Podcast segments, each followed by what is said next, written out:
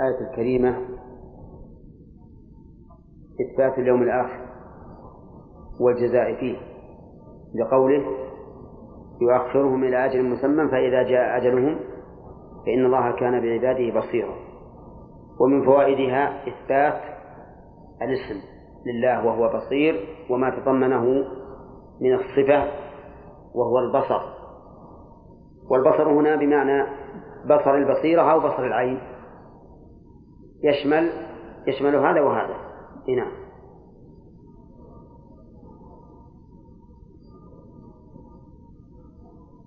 هل نأخذ من هذه؟ أن الإنسان قد يعاقب بتلف المال؟ إي نعم. ما ترك على ظهرها من دابة يشمل حتى الحيوانات. فإذا تلف للإنسان أموال فإن هذه من عقوبات الذنوب سواء كانت الأموال من ذوات الأرواح كالدواب الحية أو من غير ذوات الأرواح. قال الله تعالى ولنبلونكم بشيء من من الخوف. من الجوع والخوف ونقص من الأموال والأنفس والثمرات. كل هذه تقع ابتلاء من الله عز وجل وتقع عقوبة لقوله تعالى وما أصابكم من مصيبة فبما كسبت أيديكم ويعفو عن كثير. ومن فوائد الآية الكريمة إثبات حكمة الله تعالى بتقديره الأشياء تقديرا محكما لا تتقدم ولا تتأخر. لقوله فإذا جاء أجلهم فإن الله كان بعباده بصيرا. ثم قال قال الله تعالى بسم الله الرحمن الرحيم ياسين والقرآن الحكيم. قال المؤلف سورة ياسين مكية. والمكي ما نزل؟ قبل الهجرة. ليس ما نزل بمكة. إذ قد ينزل بمكة بعد الهجرة ويكون مدنيا. فما نزل قبل الهجرة فهو مكي وما نزل بعدها فهو مدني. هذا القول هو الراجح من أقوال أهل العلم. قال أو إلا قوله وإذا قيل لهم أنفقوا الآية أو مدنية. فالأقوال فيها إذن ثلاثة. إما مكية أو مدنية. أو مكية إلا إلا قوله وإذا قيل لهم أنفقوا. والذي يظهر أنها مكية لأن أسلوبها أسلوب المكي. والسور المكية تمتاز عن السور المدنية بقوة الأسلوب. وجزالة اللفظ. بخلاف السور المدنية فإن أسلوبها لين ألين لأنه يخاطب قوما آمنوا ولا و ويخاطب أيضا قوما فيهم أهل الكتاب. ليس عندهم من البلاغة اللغة العربية ما عند العرب. فالظاهر والله أعلم أنها مكية. وإذا جعلناها مكية فإننا لا نقول باستثناء شيء منها. لأن الأصل أن السورة المكية كلها مكية وأن السورة المدنية كلها مدنية. فمن ادعى استثناء آية أو آيتين أو أكثر فعليه الدليل. أما مجرد أن المعنى يليق في أهل المدينة مثلا فهذا لا يكفي في الاستثناء. لأن الله تعالى قد يذكر معنى يليق بأهل المدينة توطئة وتمهيدا. حتى يكون الناس على بصيرة. ولهذا يذكر الله تعالى في الآيات المكية قصص موسى عليه الصلاة والسلام. مع أن العناية بقصص موسى في المدينة أولى لأن فيها اليهود أما مكة فليس فيها يهود. المهم أن بعض العلماء إذا نظر إلى أن المعنى يليق بالسور المدنية أو بالأحكام المدنية ذهب يستثني ويقول إلا كذا إلا كذا وهذا غير مسلم. قال الله تعالى ياسين بسم الله الرحمن الرحيم. البسملة آية من كتاب الله. مستقلة. يؤتى بها في ابتداء كل سورة ما عدا سورة براءة. وليست من الفاتحة ولا من غيرها. هذا هو القول الراجح. وأما من قال إنها من الفاتحة وليست من, من غيرها فقوله ضعيف. أولا للتفريق بدون دليل وثانيا أن حديث أبي هريرة ثابت في الصحيح وهو قول الله تعالى قسمت الصلاة بيني وبين عبدي نصفين. يدل على أن البسملة ليست من الفاتحة لأنها لم تذكر في هذا الحديث ولأن وأيضا فقد كان النبي عليه الصلاة والسلام لا يجهر بها في صلاته. لا يجهر بالبسملة. وهذا يدل على أنها ليست من الفاتحة وإلا لجهر بها كما يجهر في بقية الآيات. أما إعرابها فقد سبق لنا مرارا وتكرارا وأنها جار ومجرور وصفة وموصوف. جار ومجرور وصفة وموصوف. وأن هذا الجار والمجرور متعلق بمحذوف وأن هذا المحذوف ينبغي أن يكون فعلا خاصا متأخرا. كذا مصطفى. مع الاتكاء أيضا. فعلا خاصا فعلا خاصا متأخرا. فكونه فعلا لماذا؟ لأن الأصل في العامل أو في العوامل الأفعال. ولذلك تعمل الأفعال عملها بدون شرط. الأسماء التي تعمل عمل الفعل لا بد فيها من شروط. طيب. هذا واحد. خاصا لأنه أدل على المقصود. متأخرا لفائدتين. التبرك بتقديم بسم الله عز وجل وإفادة الحصر كلام معلوم ولا لا؟ ها؟ طيب. عندما تريد أو عندما تسمي على الوضوء وش تقدر؟ بسم الله أتوضأ بسم الله أتوضأ طيب لو قلت بسم الله ابتدائي ها؟ يصح لكن ابتدائي عام وأتوضأ أخص والإتيان بالأخص أدل على المقصود طيب لو قلت ابتدائي بسم الله صح. لكن فاتك. فاتك التأخير مش بعد؟ والتخصيص والفعلية. اللي قلت ابتدائي. إذا قلت أبتدئ بسم الله فاتك التأخير والتخصيص. إذا قلت أتوضأ بسم الله فاتك التأخير فقط.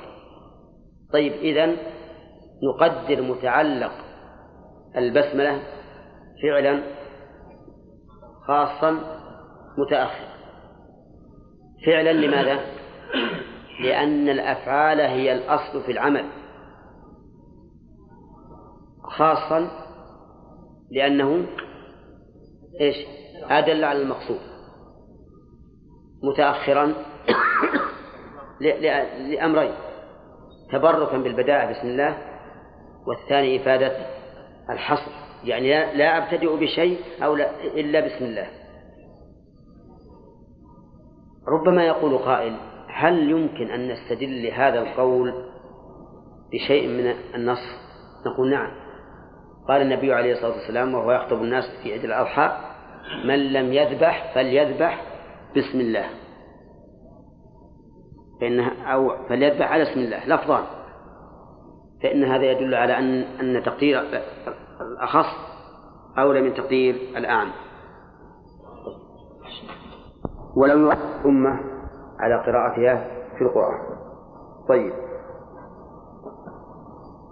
ذكرنا أن البسملة جار مجرور متعلق بمحذوف. هو أعلم الأعلام أعلم حتى من الضمير. لأنه اسم يختص بالله لا يمكن أن يشركه فيه أحد. ولهذا قالوا أعرف المعارف على الإطلاق اسم الله لأنه لا يشارك فيه أحد. الضمير إذا قلت قمت صحيح ما يشاركني أحد فيه لكن صالح أن يستعمله غيري. أما الله فلا تصلح الشركة فيه. طيب. أما الرحمن الرحيم فهما صفتان. صفتان ليش لله. والرحمن والرحيم معناهما ذو الرحمة. لكن الرحمن باعتبارها وصفا لله والرحيم باعتبارها فعلا له. ولهذا كان الرحمن عاما والرحيم خاصا. قال الله تعالى وكان بالمؤمنين رحيما. فالرحمن لوحظ فيه الوصف والرحيم لوحظ فيه الفعل.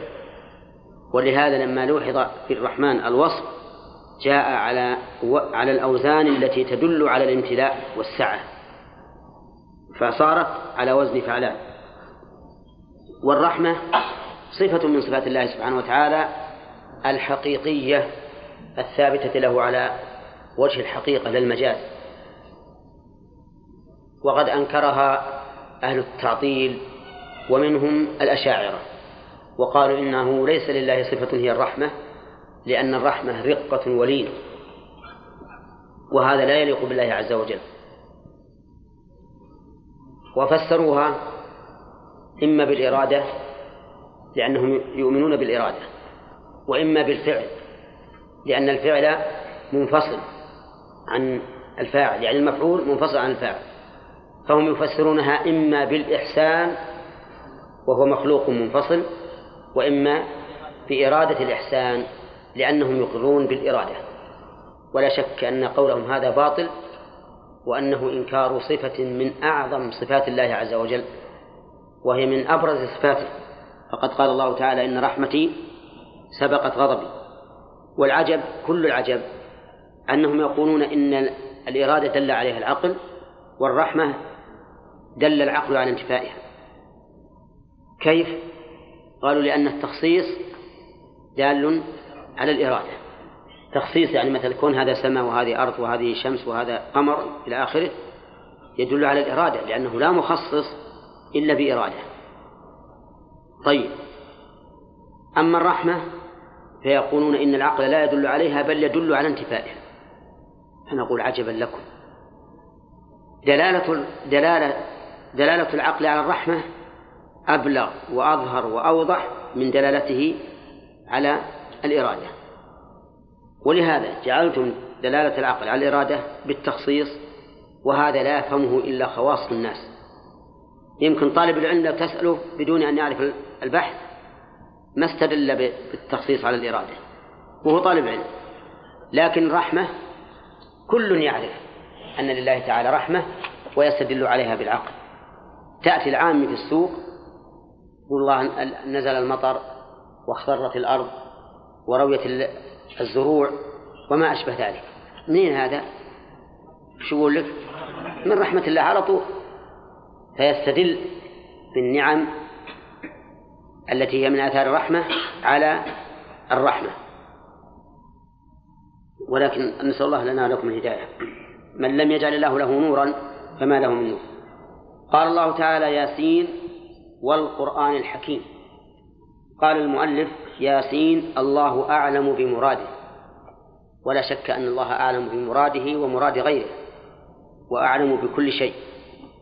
ولكن ما المراد بهذه أو بهذين الحرفين الهجائيين؟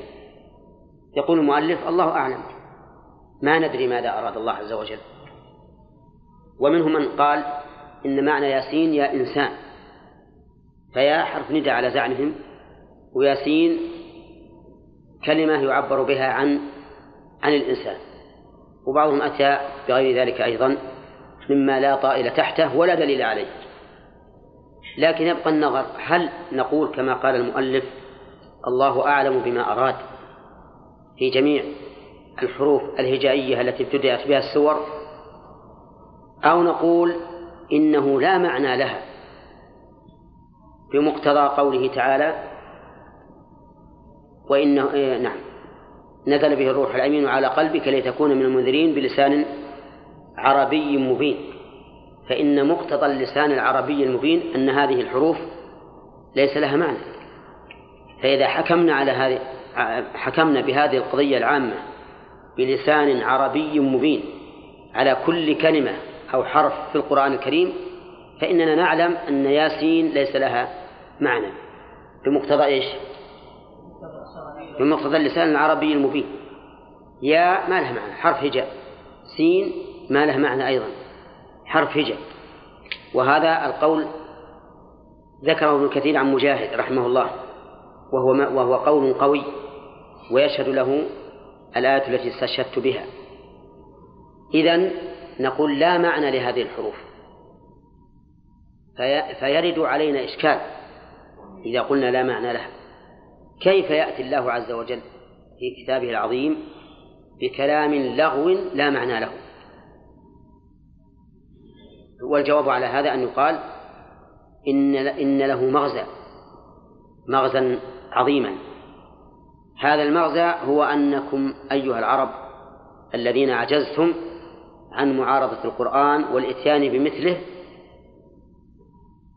عجزتم عن ذلك لا لأن هذا القرآن أتى بحروف جديدة أو كلمات جديدة بل هو من الكلمات التي تكونون منها كلامكم. حروف هجائية. ولهذا قل أن تجد سورة مبدوءة بهذه الحروف الهجائية إلا وبعدها ذكر القرآن. مما يدل على أن هذا هو المراد بها.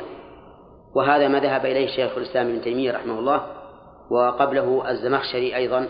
في تفسيره وغيرهم من من العلماء على أن هذه حروف هجائية جيء بها لأجل إظهار عجز العرب عن معارضة هذا القرآن مع أنه لم يأتي بجديد في كلامهم. قال ياسين والقرآن الحكيم. الواو هذه للقسم. فلها معنى ولها عمل. عملها الجر. عملها الجر. ومعناها التأكيد.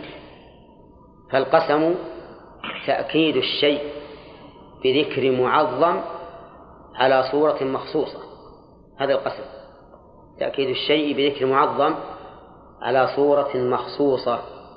ولا بد أن يكون المحلوف به معظما ولو تقديرا في ذهن المقسم. كأنه يقول أي المقسم بالمعظم كأنه يقول بقدر تأكد تعظيمي لهذا الشيء أعظم أؤكد ما حلفت عليه. بقدر تعظيمي لهذا الشيء وتأكدي منه وإثبات له أؤكد إيش؟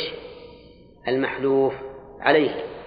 ولهذا لا بد أن يكون المحلوف به معظما وإلا لكان الحلف لا فائدة منه. القرآن الكريم القرآن المراد به هذا هذا الذي نقرأه كلام الله عز وجل. وهو مشتق من قرأ بمعنى تلا لأنه مثلو أو من قرأ بمعنى جمع لأنه مجموع وجامع. فهو مشتق من المعنيين من القراءة بمعنى التلاوة. ومن قرأ بمعنى جمع ومنه القرية لأنها مجتمع الناس فهو فالقرآن جامع بين المعنيين فهو متلو وجامع ومجموع. كلمات مجموع بعضها إلى بعض كلام جامع لكل ما فيه الخير والصلاح. طيب قوله القرآن الحكيم الحكيم صفة للقرآن. وهي بمعنى محكم أو بمعنى محكم أو بمعنى حاكم. كلها تحتمل. فالقرآن حاكم لأنه يجب الرجوع إليه. فإن تنازعتم في شيء فردوه إلى الله والرسول. هذا كتابنا ينطق عليكم بالحق. إنا كنا نستنسخ ما كنتم تعملون إذا قلنا إنه القرآن. طيب. محكم لأنه متقن للأشياء. متقن للأشياء فقد تمت كلمة ربك صدقا وعدلا. وكذلك أيضا محكم لأن الله تعالى أحكمه وأتقنه. فليس فيه تناقض ولا تعارض. ولو كان من عند غير الله لوجدوا فيه اختلافا كثيرا. إذن هو مشتمل على الحكمة أيضا. ولا لا؟ نعم هو مشتمل على الحكمة. ففيه معنى الحكمة والحكم. طيب. إذا كان حكيما فإننا نعلم أنه حكيم في ترتيبه. كل آية إلى جنب الأخرى حتى وإن ظننا أنه لا ارتباط بينهما فإنما ذلك إما لقصورنا أو تقصيرنا. فمثلا لو قال قائل حافظوا على الصلوات والصلاة الوسطى. وقوموا لله قانتين جاءت في سياق آيات العدد. فما هو الارتباط؟ يقول لا بد أن هناك حكمة لكن قصر تفهمنا عنها. أو قصرنا في التدبر لطلبها والمراجعة لكتب أهل العلم. طيب إذن هو حكيم في ترتيبه حكيم في أحكامه فأحكامه كلها عدل. موافقة للفطرة وللعقل الصريح. ولهذا لا تجد شيئا من في أحكام القرآن مناقضا للفطرة أبدا بل هو موافق للفطرة. ولا تجد شيئا في القرآن يكذبه العقل أو يحيله أبدا بل إن العقل يقرر في الجملة ما جاء به القرآن. كذلك حكيم في أسلوبه. في أسلوبه. يشتد في موضع الشدة ويلين في موضع اللين ويأتي بأساليب غريبة ما كانت معروفة في أساليب العرب. فبينما هو فبينما الآية سياقها خبري إذا بها تنتقل إلى سياق إنشائي من استفهام أو نهي أو أمر أو ما أشبه ذلك. وكل هذا من الحكمة. بينما القرآن يتحدث بصيغة الغائب إذا به ينتقل إلى صيغة الحاضر فينتقل من أسلوب إلى آخر وهو ما يسمى بالالتفات وأنواع هذا كثيرة في القرآن فالقرآن إذن حكيم بكل معنى الحكمة وبكل معنى الإحكام وبكل معنى الحكم. قال المؤلف مقتصرا على واحد منها المحكم بعجيب النظم وبديع المعاني. فأتى بمعنى واحد من معاني الحكيم. ونحن ذكرنا ثلاث أشياء. ذو حكمة ومحكم إيش بعد؟ ومحكم. محكم ومحكم وحاكم أيضا. فذكرنا أنه حاكم وذو حكمة وحكم وإحكام.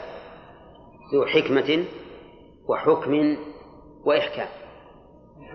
فيشمل أعم مما قال المؤلف. هذا المقسم به وإقسام الله تعالى بكتابه العظيم أو بكتابه الحكيم يدل على عظم هذا القرآن وعلى عظم ما جاء به من الإحكام والحكمة والحكم. ثم ذكر المقسم عليه فقال إنك يا محمد لمن المرسلين. فأقسم الله تعالى بكتابه على أن محمدا صلى الله عليه وسلم من المرسلين. وقول لمن المرسلين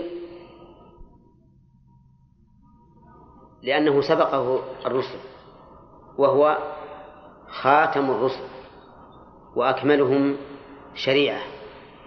جاء جاء ليتمم مكارم الأخلاق. وقد شبه النبي صلى الله عليه وسلم رسالته برجل بنى قصرا وأشاده وبقي موضع لبنة فصار الناس يطوفون به ويتعجبون منه إلا موضع هذه اللبنة. قال فأنا اللبنة وأنا خاتم النبيين. هذه الجملة إنك لمن المرسلين مؤكدة بثلاثة مؤكدات. القسم أتم وإن واللام. إنك لمن المرسلين قال على صراط مستقيم متعلق بما قبله الذي قبله المرسلين ومرسل اسم مفعول صالح للعمل لأن يتعلق به المعمول. فالمعنى إنك لمن, لمن الذين أرسلوا على صراط مستقيم. إنك لمن, لمن الذين أرسلوا على صراط مستقيم لأن جميع الرسل على صراط مستقيم بلا شك ولكن يحتمل وجها آخر أحسن مما قال المؤلف وهو أن تكون على صراط المستقيم خبر ثان لإن أن تكون على صراط المستقيم خبرا ثانيا لإن إنك لمن المرسلين إنك على صراط مستقيم. وهذا أنسب. ويشهد له قوله تعالى وإنك لتهدي إلى صراط مستقيم. صراط الله الذي له ما في السماوات وما في الأرض. إذا فنقول الوجه الثاني في إعراب على صراط المستقيم أنها خبر ثان لإن وقول على صراط مستقيم قال أي طريق الأنبياء قبلك التوحيد والهدى. طيب. صراط مستقيم. صراط فعال بمعنى مفعول. لأن لأن فعالا تأتي بمعنى مفعول كثيرا. كقولهم بناء وغراس وفراش. بمعنى مبني مغروس مفروش. صراط فعال بمعنى مفعول. أي مسروط والسرط المرور بسرعة. هذا السرط السرط المرور بسرعة. ومنه قولهم سرط سرط اللقمة أي ابتلعها بسرعة. وفي اللغة العامية عندنا نقول زرط زرط وهي لغة عربية. في صراط فيها صراط بالسين وزراط بالزاي. كلها لغة عربية. الصراط لا يكون صراطا إلا إذا كان طريقا واسعا. لا يكون صراطا إلا إذا كان طريقا واسعا يتحمل طوائف يعبرون عليه. قالوا وأيضا من صفاته أن يكون آه، مستويا ليس فيه طلوع ولا نزول. ومستقيم صفة له مؤكدة يعني أنه لا اعوجاج فيه ولا شك أن ما جاء به الرسول عليه الصلاة والسلام صراط مستقيم لأنه طريق واسع يسع كل الأمة منذ بعث إلى أن تقوم الساعة لا يمكن أن يضيق صراط واسع أيضا لا يمكن أبدا أن يضيق عن الأحكام الشرعية. كل حادثة تنزل منذ بعث الرسول صلى الله عليه وسلم إلى يوم القيامة لا بد أن يوجد فيها حل لمشكلتها إن كانت مشكلة فيما جاء به الرسول عليه الصلاة والسلام. ولذلك نقول إن هذا القرآن إن هذا الشرع بالقرآن والسنة كامل لا يحتاج إلى تكميل. وأيضا واسع لا لا يمكن أن يضيق بأي جزء أو بأي جزئية تقع إلى يوم القيامة. إذا ما في شيء مشكل في الشريعة. ولا لا؟ لكن الإشكال إنما يأتي من قبل الناس إما لقصور في الفهم أو لتقصير في طلب العلم والهدى أو لأشياء رانت على قلوبهم وأظلمتها حتى لا تبصر الحق. يعني قد قد يكون الإنسان غير مقصر ولا قاصر. عنده فهم قوي وعنده آلة قوية وعلم لكن يكون على قلبه ذنوب تحول بينه وبين رؤية الصواب. ولهذا ينبغي للإنسان إذا أشكل عليه مسألة من المسائل بعد المراجعة والتتبع لكلام أهل العلم يكثر من الاستغفار.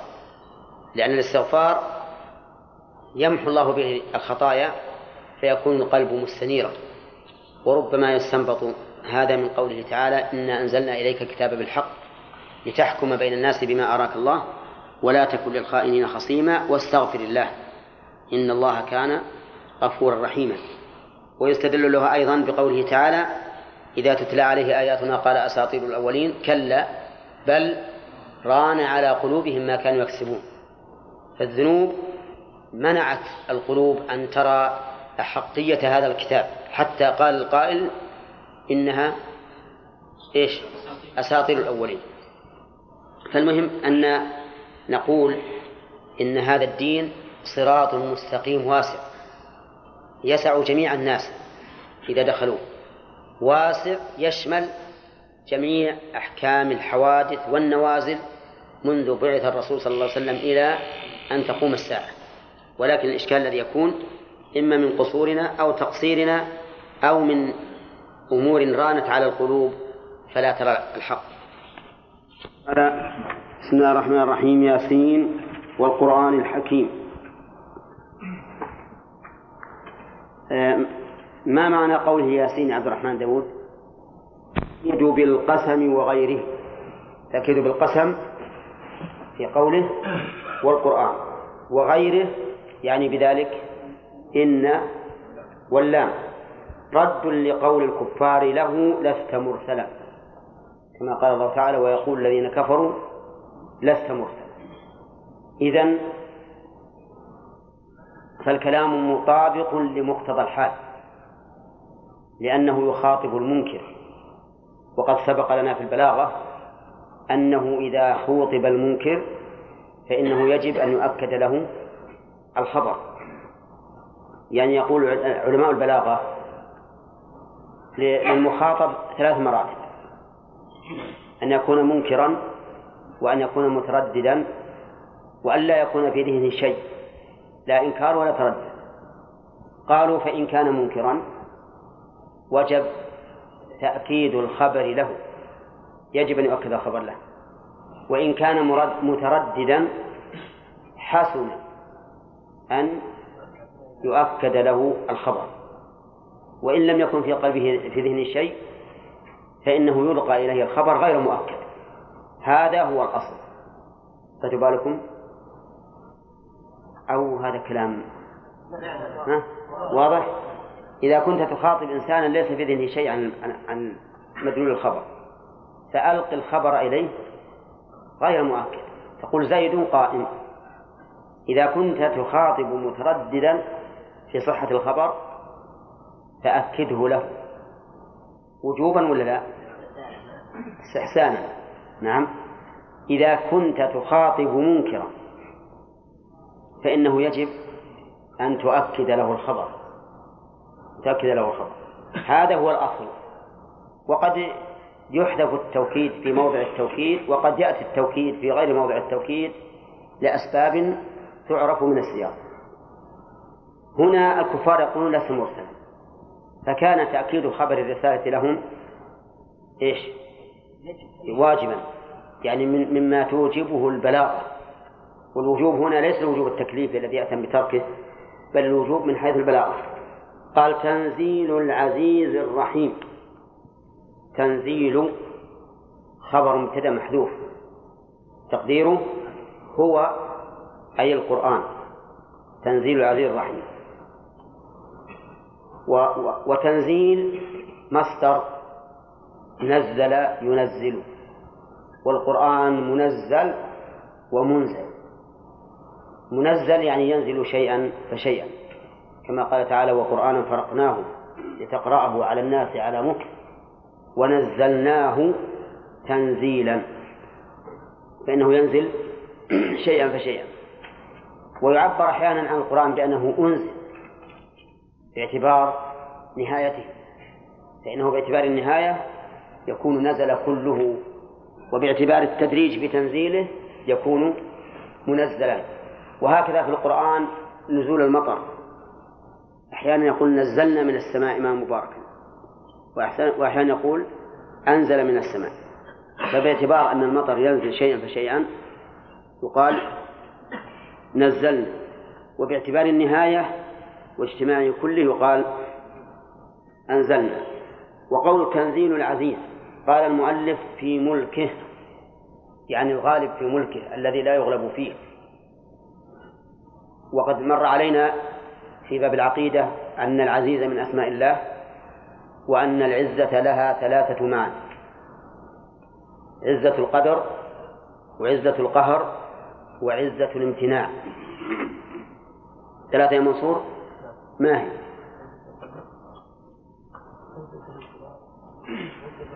نعم. عزة القدر بمعنى أنه ذو قدر عظيم رفيع. عزة القهر بمعنى أنه قاهر غالب. عزة الامتناع بأنه قوي لا يناله شيء. قال ابن القيم وهو العزيز فلن يرام جنابه. أنى يرام جناب ذي السلطان فهو عز وجل عزيز. ممتنع أن يناله السوء ومنه الأرض العزاز لقوتها وشدتها. إذا فقول المؤلف العزيز في ملكه فيه فيه قصور. طيب. قال الرحيم بخلقه. نعم الرحيم بخلقه. وهنا نقول إن الرحيم عامة لأنها لم تقيد. فالمراد به الرحمة العامة. فهو سبحانه وتعالى رحيم بخلقه كلهم. ما من دابة في الأرض إلا على الله رزقها حتى الكافر يرزقه الله تعالى العقل والصحة والأولاد والمال والأزواج. لكن هذه رحمة عامة. أما الرحمة الخاصة بالمؤمنين ففي قوله تعالى وكان بالمؤمنين رحيما قال العزيز بخ... الرحيم بخلقه. وهنا أضافت تنزيل القرآن إلى هذين الاسمين. إشارة إلى وجوب العمل بما جاء في القرآن وأن من لم يعمل به فإن أمامه العزيز الذي يأخذه أخذ عزيز مقتدر.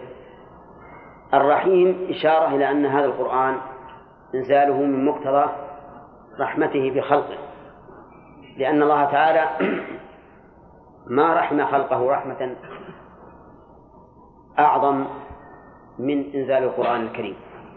لأن به الحياة الحياة القلبية والبدنية والفردية والاجتماعية. ففيه إشارة كما قلت إلى بل فيه تهديد للذين يخالفون هذا القرآن بأنه نزل من عندي عزيز. ينتقم ممن خالفه.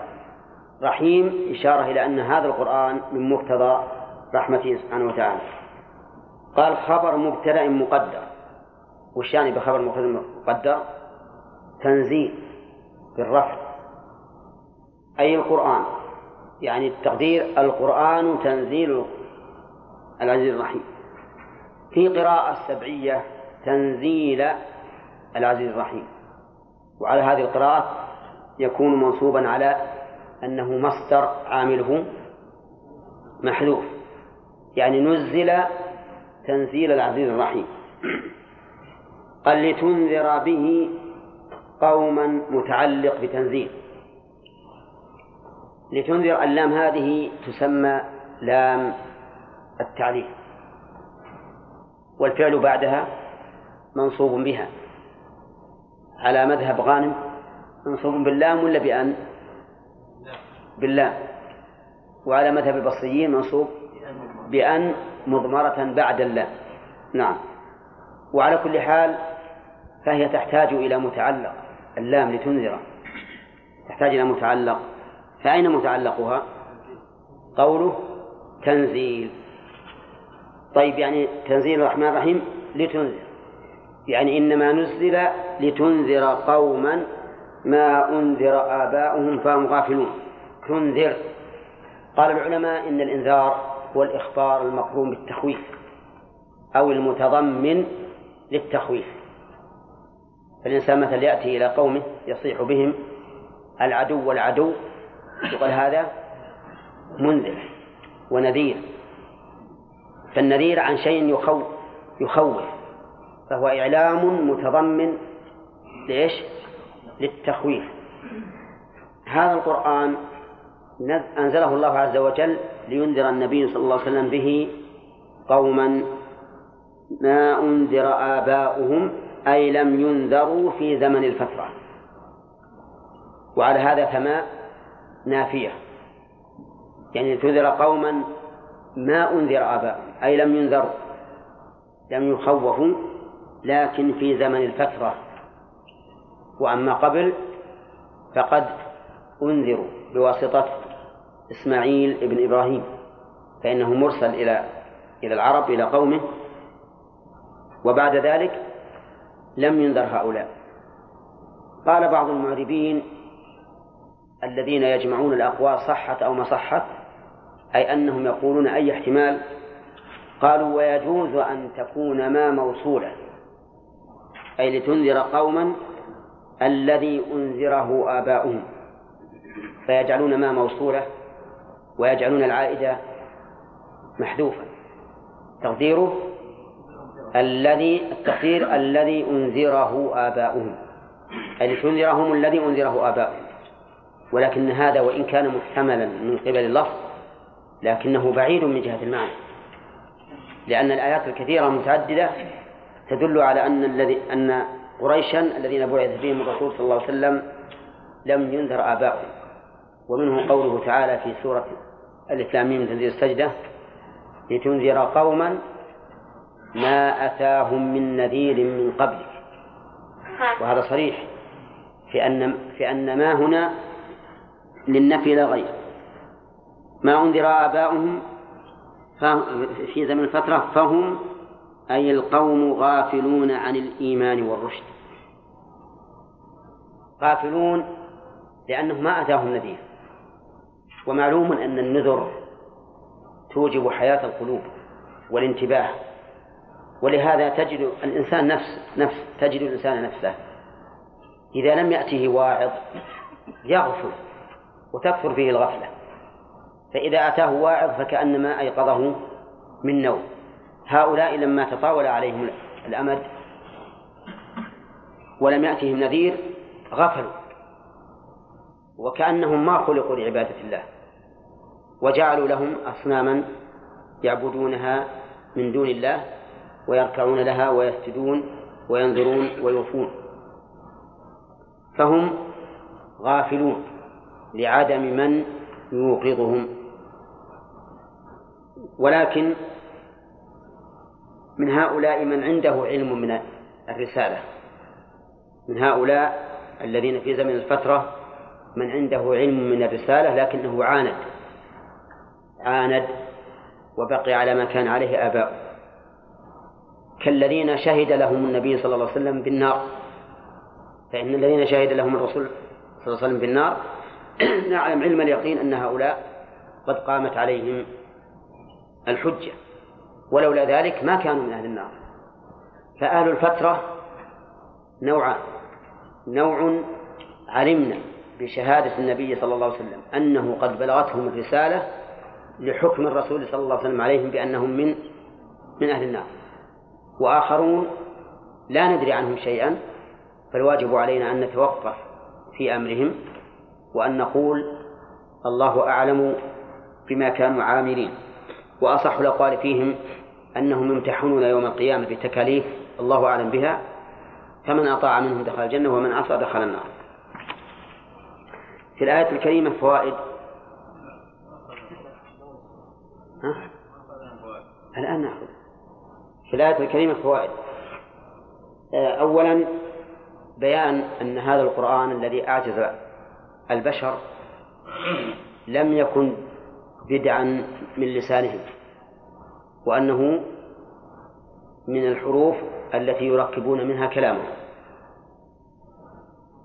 يشير إلى هذا قوله ياسين.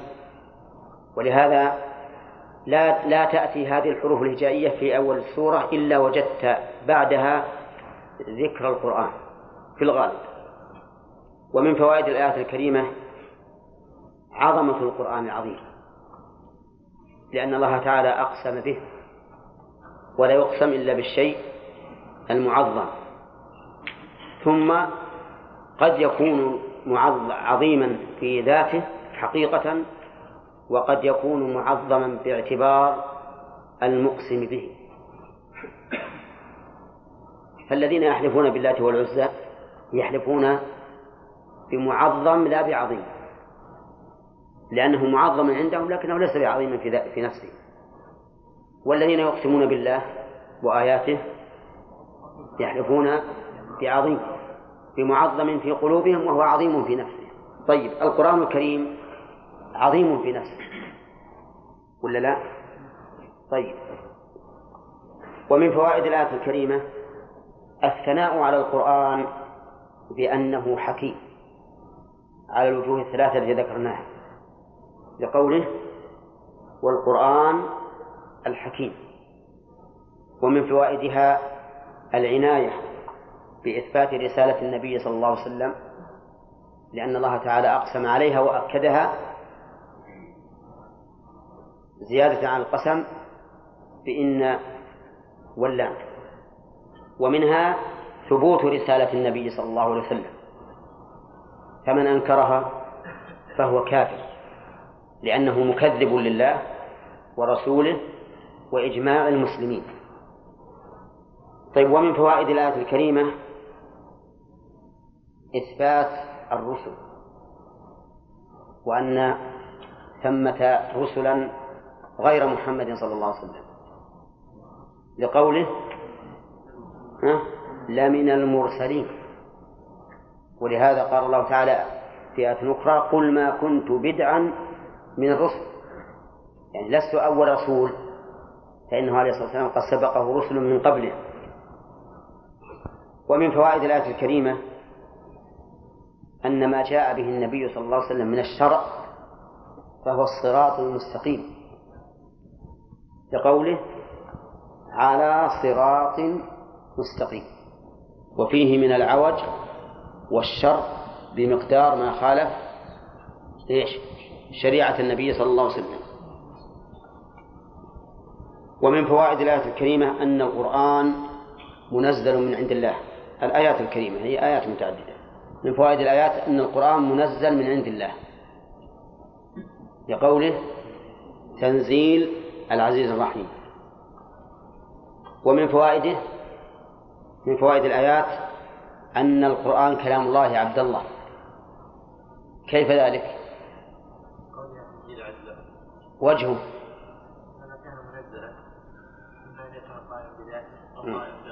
نعم. والكلام؟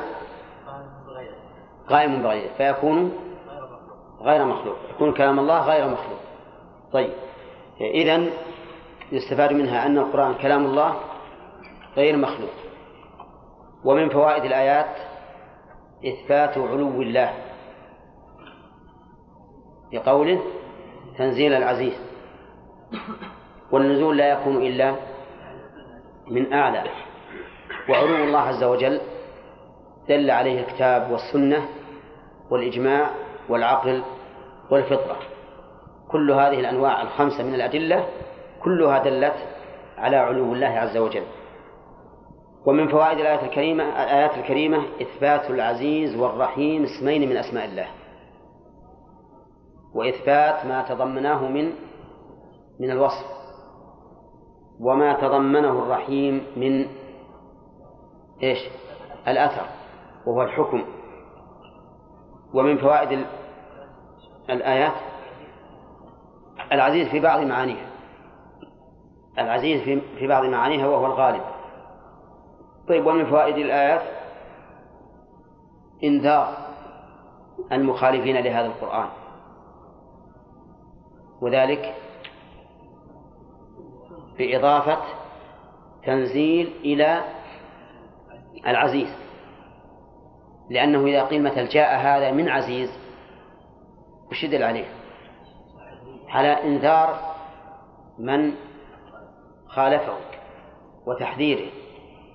فيكون في هذا الإنذار والتحذير من مخالفة هذا المنزل لأنه نزل من عزيز.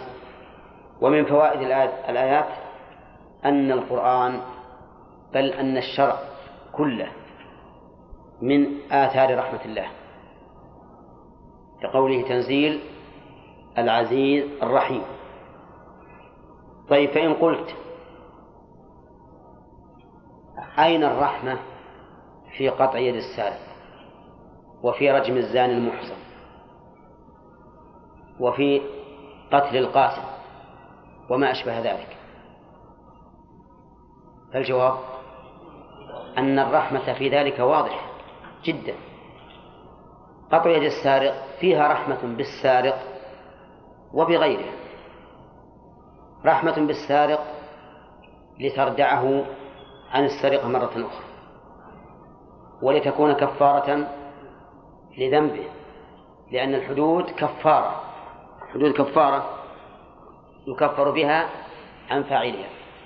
وفيها أيضا إصلاح المجتمع وحمايته من الفوضى وهذه رحمة ولا لا؟ ها؟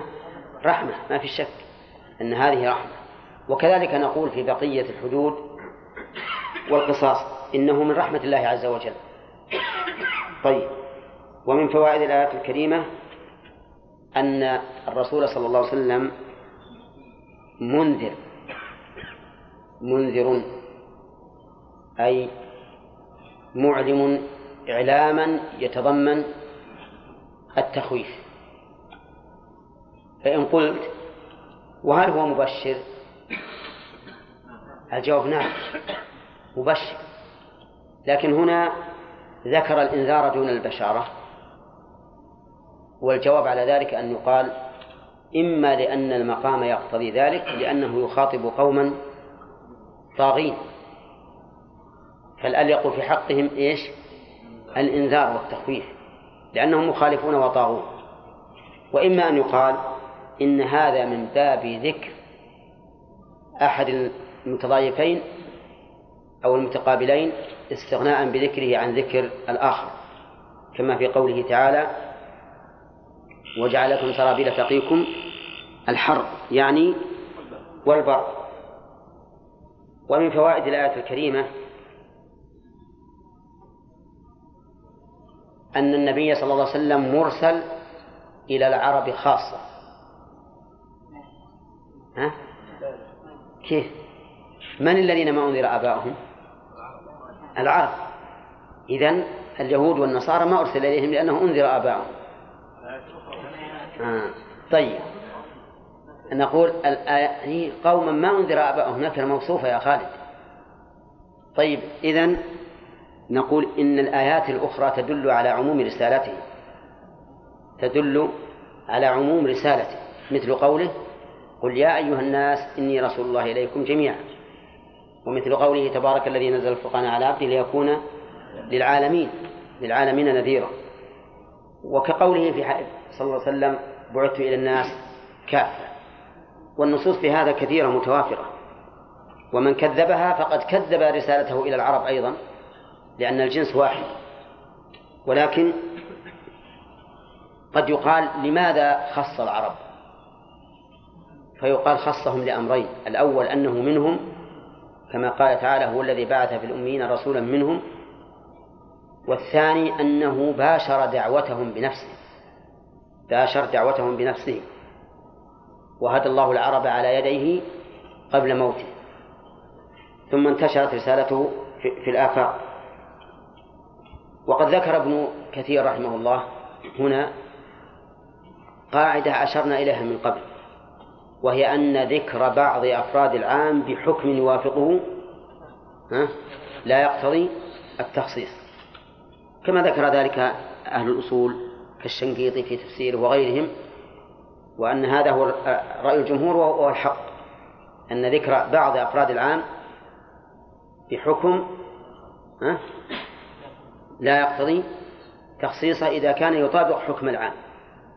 فإذا قلت مثلا أكرم الطلبة ثم قلت أكرم زيدا وهو منهم فإنه لا يقتضي تخصيص الإكرام به لأن الحكم هنا موافق للحكم العام وذكر بعض أفراد العام بحكم يوافق العام ليس تخصيصا له. واضح؟ ذكرنا هذا في أي مناسبة؟ ها؟ كيف؟ في قول النبي صلى الله عليه وسلم وجعل وجعل في قوي طهورا وجاء في بعض الروايات إنها تربه تربتها طهورا نعم. فكون كون كون كون النبي صلى الله عليه وسلم ذكر تربه نعم. لا يكفي إنه لا يستحيل بغيره. تمام. صح. وكذلك؟ ها.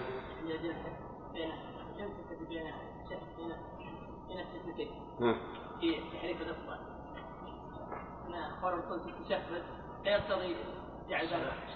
نعم. في الصلاة؟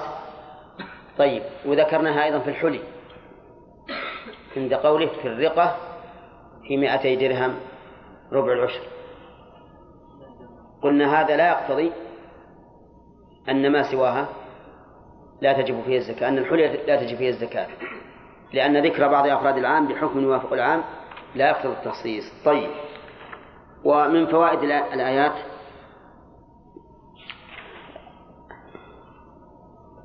سب هؤلاء الذين غفلوا عن الرسالات كقوله فهم غافلون وأن الغفلة عن عن البحث عن الرسالة يعتبر ذما. وكذلك نقول في من غفل عن البحث في جزئيات الشريعة. فمثلا من غفل عن البحث في أحكام الصلاة فإنه يذم عن البحث في أحكام الزكاة وهو محتاج لذلك نقول إنه يذم. ولهذا نقول إن تعلم العلم الشرعي فرض كفاية فرض كفاية. ومن أراد أن يقوم بعبادة من العبادات كان تعلم أحكامها عليه فرض فرض عين. فرض عين وبناء على هذا نقول كل طلبة العلم في كل مكان قائمون بفرض كفاية. ولهذا يحسن أن نستحضر هذا الأمر. أننا في مجالسنا هذه نقوم بفرض كفاية. نثاب عليه فرض ثواب الفرض. وقد قال الله تعالى ما تقرب إلي عبدي بشيء أحب إلي مما افترضت عليه. وهذه مسألة يغفل عنها كثير من الطلبة. لا في مجالس الذكر والعلم ولا في مجال في المجالس الأخرى مجالس المراجعة. تجد الإنسان مثلا يراجع الكتاب ولكنه ما يستحضر أنه الآن قائم بفرض بفرض كفاية. وهذا يفوت علينا خيرا كثيرا. لهذا نسأل الله أن يعيننا على تذكر هذا المعنى حتى نكسب خيرا بما بما نقرأه وبما نراجعه. الشيطان الرجيم. قال الله تبارك وتعالى لتنذر قوم تنزيل العزيز الرحيم. لتنذر قوما ما أتاهم من نذير من قبلك لعله فهم غافلون. قوله تنزيل فيها قراءتان. الأخ.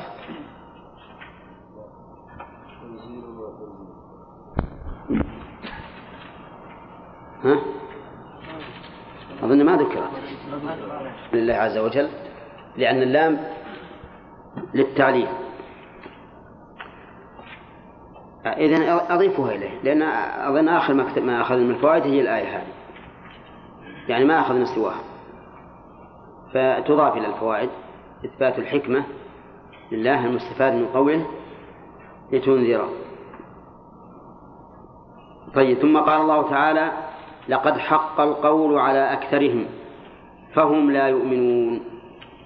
اللام هذه موطئة للقسم أي أنها تدل على أن هناك قسما ما. تقديره؟ والله لقد حق. وقد للتحقيق وعليه فالجملة مؤكدة بثلاثة مؤكدات القسم المحذوف واللام وقد. وهذا التركيب يأتي في القرآن كثيرا. يعني وطريقه أو طريق رابه ما أشرنا إليه. لقد حق القول أي وجب. حق هنا بمعنى وجب. والقول هو القول بالعذاب. كقوله تعالى وكذلك حقت كلمة ربك على الذين كفروا أنهم لا يؤمنون. في الآية الأخرى أنهم أصحاب النار. فمن حق عليه كلمة العذاب فإنه لا يمكن أن يهتدي مهما أوتي من آية. ولكن لا تحق كلمة العذاب إلا على من استحقها حتى لا يقال إن الله تعالى قد أجبره على العمل. كقوله تعالى فلما زاغوا أزاغ الله قلوبهم. والله عز وجل ينظر في في قلوب العباد فمن كان أهلا للهداية هداه ومن لم يكن أهلا لها لم يهديه فمن حقت عليه الكلمة لما في قلبه من الزيغ والعياذ بالله فإنه لا يؤمن. وقول حق القول ما هو القول؟ العذاب؟ لا. كلمة العذاب. كلمة العذاب وهي قوله تعالى إن الذين لا. وكذلك حقت كلمة ربك على الذين كفروا أنهم أصحاب النار والآية الأخرى أنهم لا يؤمنون. وقوله على أكثرهم يعني على أكثر الذين بعث إليهم الرسول عليه الصلاة والسلام من العرب. وليس على كلهم. ولهذا كذب النبي صلى الله عليه وسلم من قريش أمم كثيرة وماتوا على الكفر. ولا سيما الصناديد منهم والأشرار. على أكثرهم فهم لا يؤمنون هم الضمير يعود على أكثر لا على الهاء في أكثرهم. فهم أي الأكثر لا يؤمنون. حتى وإن جئت بالآيات العظيمة البينة فهم لا يؤمنون لأنهم قد حقت عليهم كلمة العذاب. فالآية الكريمة هذه أولا تأكيد الخبر الهام وإن لم يكن المخاطب منكرا. لأن هنا يخبر الله سبحانه وتعالى النبي صلى الله عليه وسلم والمؤمنين وهم لا ينكرون ذلك لكن لأهميته أكد. ومن فوائد الآية الكريمة أن من حقت عليه كلمة العذاب فإنه لا يؤمن. كما في قوله أفمن حقت عليه كلمة العذاب أفأنت تنقذ من في النار؟ يعني فقد ثبت أنه من النار فلا تنقذه ومن فوائد الآية الكريمة أن من قريش الذين كذبوا الرسول عليه الصلاة والسلام من لم تحق عليه الكلمة فيؤمن. لقوله على أكثرهم. ومن فوائد الآية الكريمة إشارة إلى أنه ينبغي بل يجب على الإنسان اللجوء إلى الله عز وجل لأنه هو الذي بيده ملكوت السماوات والأرض. فلا تعتمد على ما في قلبك من رسوخ الإيمان مثلا وتعتقد أنه لن لن يتسلط عليك الشيطان ولن يتسرب إليك هوى النفس الأمر بالسوء. بل كن دائما لاجئا إلى الله تعالى سائلا الثبات. كقوله لقد حق القول على أكثرهم فالأمر كله بيد الله. ثم قال تعالى إنا جعلنا في أعناقهم أغلالا. إنا جعلنا أي صيرنا. ولهذا نصبت مفعولين المفعول الأول أغلالا والمفعول الثاني مقدم في أعناقهم. وقوله أغلالا الغل يكون باليد كما قال تعالى غلت أيديهم. إذا كان الغل في اليد وهنا قال في أعناقهم فمعناه أن اليد سوف تشد إلى العنق ولهذا أن تضم إليها الأيدي. لأن الغل يجمع اليد إلى العنق. هكذا تغل ثم تشد على العنق. يقول فهي أي الأيدي مجموعة إلى الأذقان. قول مجموعة أخذها من قوله إلى الأذقان. ويجوز أن نقدر بدل مجموعة منتهية أو بالغة. إلى الأذقان جمع ذقن وهو مجمع اللحيين. اللحيان هما العظمان اللذان عليهما الأسنان. ومجمعهما يسمى ذقن يسمى ذقنا. يقول فهي وهي مجتمع اللحيين. قرون رافعون رؤوسهم. والأحسن أن يقال مرفوع الرؤوس. يعني لأن اليد مغلولة العنق تضيق على الذقن ثم يرتفع الرأس. قال رافع رؤوسهم لا يستطيعون خفضها. لو تصورت هذه الصورة لوجدتها صورة بشعة وأن الإنسان لا يتمكن معها من التصرف الحر.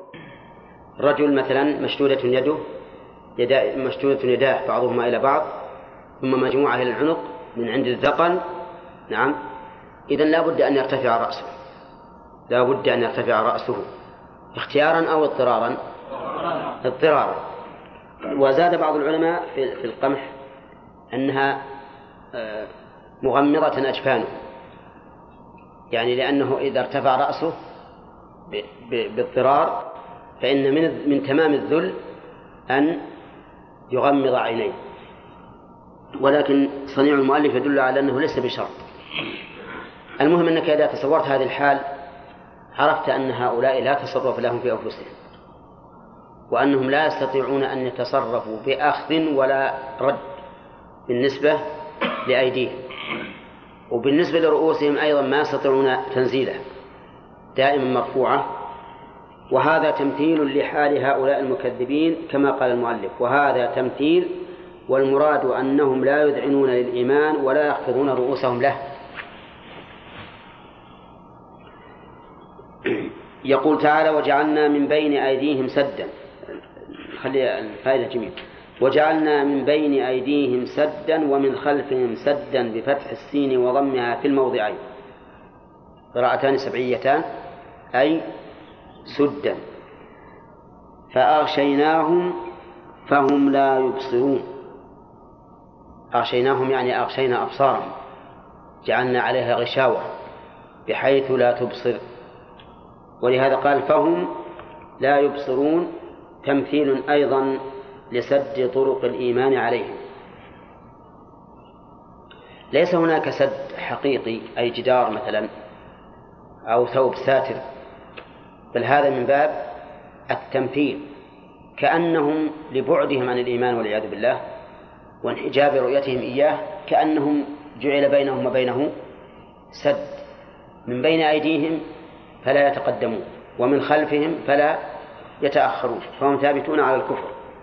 لا يتقدمون ولا يتأخرون. ومع ذلك فإن أبصارهم عليها غشاوة لا تبصر الحق ولا تنظر إليه. ولهذا قال فهم لا يبصرون. فتأمل أيضا حالهم الآن. أيديهم مغلولة إلى أعناقهم من تحت الأذقان. وهم رافعين. رافعوا رؤوسهم. ومع ذلك بينهم وبين الإيمان سد من الأمام ومن الخلف. فهم إذن لا يستطيعون أن يصلوا إلى الإيمان ولا أن يصل إليهم الإيمان. ثم قال نعم فنستفيد من هذا الحديث أو من الآية الكريمة فوائد.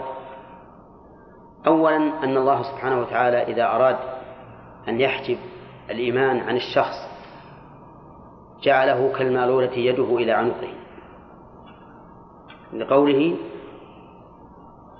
إنا جعلنا في أعناقهم أغلالا. ثانيا أن هذا الذي جعلت عنقه يده إلى عنقه على سبيل الغل كأنه مكره على أن يكون على هذه الحال. وهكذا الشيطان يوسوس للإنسان حتى يوقعه في الهلاك كأنه مكره على ذلك. ألم تروا إلى ما جرى للأبوين حين جاء إليهم الشيطان ووسوس إليهما؟ ولم يكتفي بمجرد الوسواس بل قاسمهما وصار يحلف لهما أشد الأيمان أنه ناصح. فهكذا الشيطان يأتي الإنسان حتى يغويه كالمكره له ومن فوائد الآيتين الكريمتين أن هؤلاء قد حجب عنهم الهدى. لا يتقدمون إليه ولا يتأخرون عنه. ومن فوائده أن أبصارهم أيضا قد أغشي أغشيت وجعل عليها الغشاوة فلا تنظر. ومن فوائد الآيتين تحذير الإنسان إذا لم ينفتح له باب, باب الهدى أن يكون من جنس أولئك. فإذا رأيت نفسك لا تعلم الهدى ولا تعرفه وحيل بينك وبينه فاعلم أنك على خطر. وإذا رأيت من نفسك أن الهدى ينفتح لك ويتبين وينشرح به صدرك فاعلم أنك على خير. نحن نقيس هذا بحال هؤلاء. جعل السد من بين أيديهم ومن خلفهم وصاروا لا يبصرون الحق فإذا رأيت من نفسك هذه الحال فاعلم أنك على خطر فتداركها. ثم قال الله تعالى وسواء عليهم أأنذرتهم أم لم تنذرهم لا يؤمنون. سواء خبر مقدم بمعنى مستو. وأنذرتهم مبتدا مؤخر. مسبوق بمصدر وإن لم يكن وإن لم تكن الهمزة من الحروف المصدرية لكن في مثل هذا التركيب قال العلماء إنها إنها تسبك وما بعدها بمصدر تقدير الكلام وإنذارك وعدمه سواء عليهم. إنذارك وعدمه سواء عليهم. وسواء هنا لم يقال فيها سواء لأنها مصدر والمصدر لا يثنى ولا يجمع وقول سواء عليهم أأنذرتهم قال المؤلف في بيان القراءة فيها بتحقيق الهمزتين. انطق بها حجاج. تحقيق الهمزتين. أأنذرتهم. وإبدال الثانية ألفا. انطق بها عبد الوهاب. لا. عبد الرحمن؟ أنذرتهم طيب. وتسهيلها. تسهيل الهمزة الثانية. أي نعم. حقق الأولى وسهل الثانية ها؟ لا. أنذرتهم ما جبت الثانية. إطلاقا أنذرتهم. ما تبينها. تمشي عليها على عجل. طيب يقول وإدخال ألف بين المسهلة والأخرى وتركه. إدخال ألف بين المسهلة والأخرى يعني على قراءة تسهيل تجعل فيها ألف أو تحذف الألف. مثالها خالد إدخال الألف بين الهمزة المحققة والمسهلة. لا أنت من أربعة. لا يا أنذرتهم تمد الأولى وتسهل الثانية. يكون عندنا كم حرف؟ ثلاثة حروف. الهمزة الأولى محققة والألف والهمزة الثانية مسهلة. وتركه كما قلنا بالأول. بدون ألف ستحقق الأولى وتسهل الثانية بدون ألف. هذه القراءات سبعية ولا لا؟ سبعية لأن المؤلف من عادته إذا جاءت قراءة شاذة غير سبعية يقول وقرئ. طيب على كل حال هذا لا يختلف به المعنى إنما هو في كيفية الأداء أما المعنى فلا يختلف. المعنى أن إنذارك وعدمه وعدمه لهؤلاء سواء ثم بين بين وجه التسوية فقال لا يؤمنون. هذا معنى التسوية يعني معناه أنذرت أم لم تنذر؟ فإنهم لا يؤمنون. ولهذا الجملة هنا استئنافية. بيان بيان بيان للجملة الأولى. يعني أنهم لا يؤمنون سواء أنذرت أم لم تنذر. وهذا أمر مشاهد. أن الإنسان الذي قد قضي عليه بالضلالة والعياذ بالله تجي تنصح مرة بعد أخرى وتبين له وتحذره ولكن لا يزداد إلا نفورا والعياذ بالله. حتى إن بعض الناس يسخر ويستهزئ يسخر ويستهزئ بالجزع. نعم.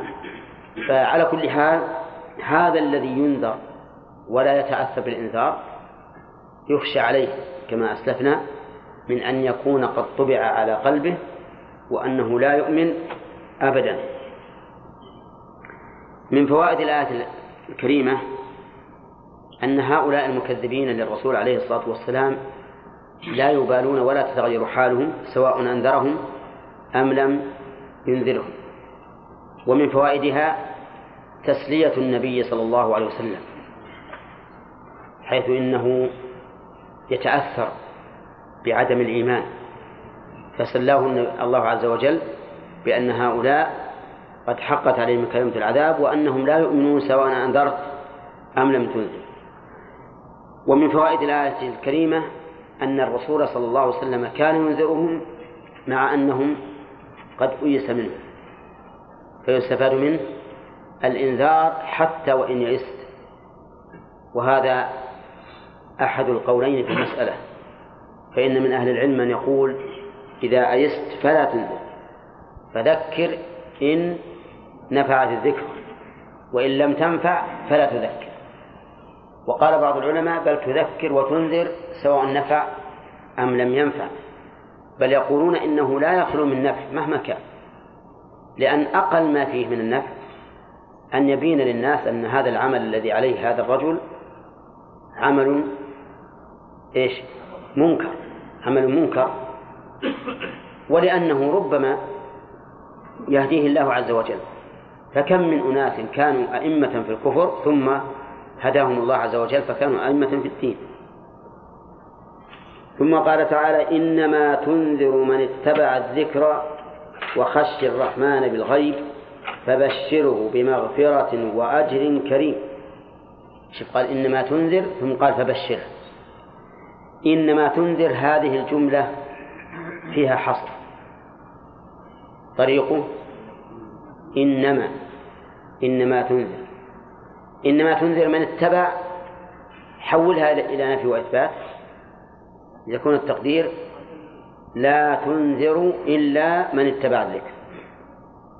وقوله إنما تنذر من اتبع الذكر يعني أن المراد بذلك إنما تنذر الإنذار النافع.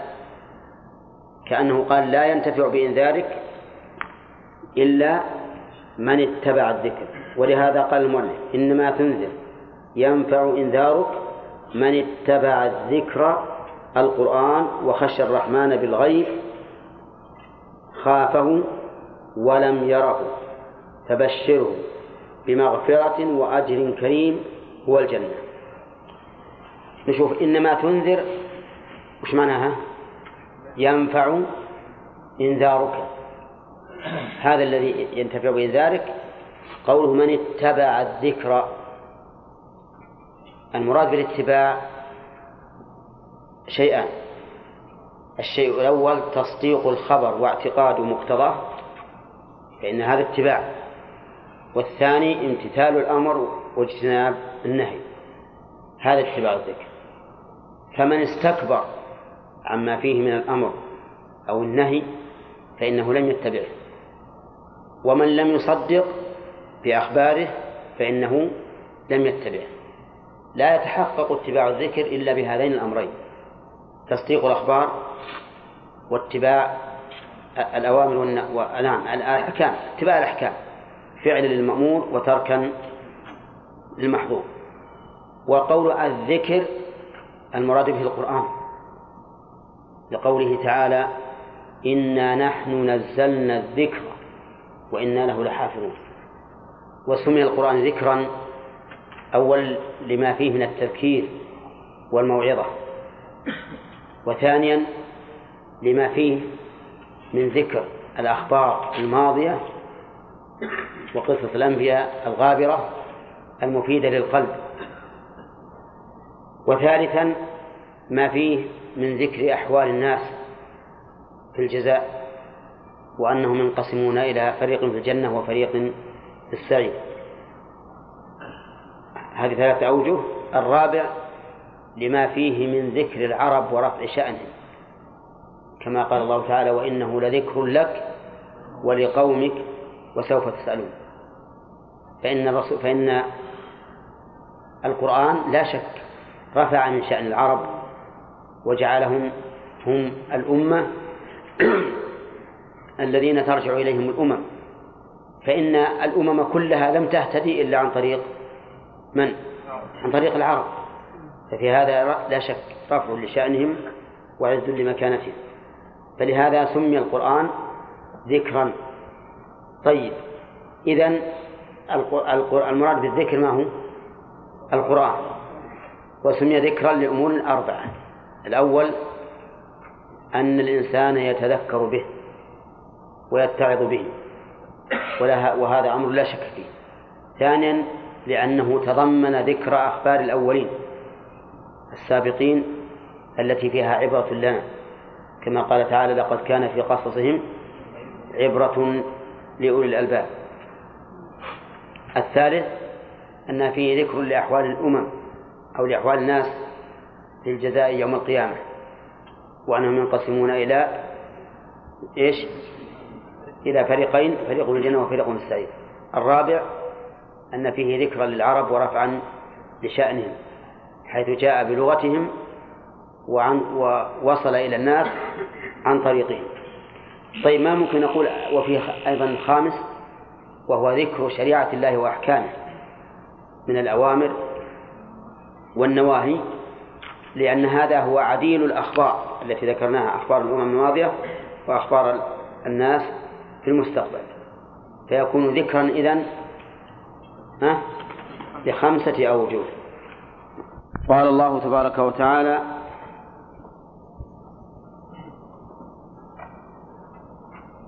لقد حق القول على أكثرهم فهم لا يؤمنون. هذه الجملة يا ياسر مؤكدة لنا نعيدها. بينه بلاغة القرآن. بتمثيل المعقول بالمحسوس. مكتوب عندكم هذه. إذا ما بلاغة القرآن بتمثيل المعقول بالمحسوس. هذه تؤخذ من الآيتين الأوليين؟ إن جعلنا في أعناقهم إلى آخره. ثانيا من فوائد الآية الكريمة أن هؤلاء قد حقت عليهم كلمة العذاب. ومن حقت عليه الكلمة فلا يمكن أن يؤمن سواء أنذر أم لم ينذر. طيب. ثالثا أن الأمر كله بيد الله عز وجل. فهو الذي يهدي من يشاء ويضل من يشاء. ولكن هذا مقرون بالحكمة. من اقتضت حكمة الله عز وجل أن يهتدي هداه الله وما اقتضت حكمته أن يضل أضله الله. وهذا مبني على قوله تعالى فلما زاغوا أزاغ الله قلوبهم. وحينئذ يكون حرمان الله تعالى الهداية للشخص يكون الشخص هو السبب في حرمان نفسه الهداية لأنه ليس أهلا لها. فالله عز وجل ينظر في قلوب العباد. من وجد في قلبه صلاحية للهدى هداه. ومن وجد في قلبه عدم الصلاحية لم يهده. فأصل بلائك من من نفسك. طيب. ومن فوائد الآية الكريمة أن الضال والعياذ بالله الذي كتبت عليه الضلالة لا يبصر الحق. وإن كان الحق بينا واضحا فإنه لا يبصره يكون على على بصره غشاوة كما أنه لا يعقله أيضا. لقوله تعالى إذا تتلى عليه آياتنا قال أساطير الأولين. كلا بل ران على قلوبهم ما كانوا يكسبون. الذي يعتقد أن القرآن أساطير الأولين وأنه لا يفيد وأنه بمنزلة سوالف العجائز لماذا يرى هذا هذه الرؤية لماذا يرى هذه الرؤية في كتاب الله عز وجل؟ لأنه فاسد القلب فاسد القلب. قلبه قد ران عليه ما كان يكسبه من الأعمال السيئة فلم يرى الحق حقا. ومن يك ذا فم مر مريض يجد مرا به الماء الزلالة الماء الزلال الصافي الحلو العذب يجده المريض مرا. هل جربتم ذلك؟ ها؟ أي نعم. إذا مرض الإنسان وذاق الماء اللي كان عذبا عنده في في مذاقه من قبل يجده الآن مرا. لا لأن الماء مر لكن لأن المحل غير قابل. المحل غير قابل فيجد هذه العذوبة مرارة وفي وفي الآيات أيضا من ومن فوائد الآيات تسلية الرسول صلى الله عليه وسلم لئلا يهلك نفسه لعدم إيمانه كقول سواء عليهم أأنذرتهم أم لم تنذرهم؟ فأنت لم تقصر لكن هؤلاء لا ينتفعون. والرسول عليه الصلاة والسلام إذا لم يهتد الناس فإنه يشق عليه ذلك ويضيق به صدرك. كما قال تعالى لعلك باخع نفسك ألا يكونوا مؤمنين. يعني لعلك مهلكها إذا لم يؤمنوا. وهذا ليس عليك. طيب. ثم قال تعالى إنما تنذر من اتبع الذكر وخشى الرحمن بالغيب. هذه الجملة أخذناها. وقلنا إن المراد بالذكر القرآن وأن اتباعه يكون بتصديق أخباره ها؟ وامتثال أوامره واجتناب نواهيه. هذا اتباع. وقلنا سمي ذكرا لأمور متعددة. نعم. أولها يا حجاج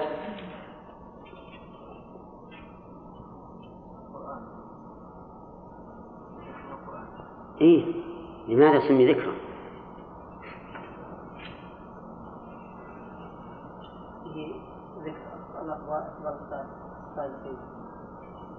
لأنه يتضمن ذكر أخبار السابقين لنتعظ بهم ونعتبر. دليل؟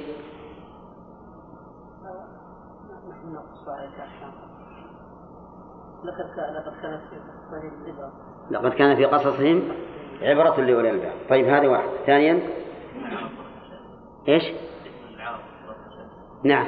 أنه ذكر العرب وراء في شأنهم الدليل؟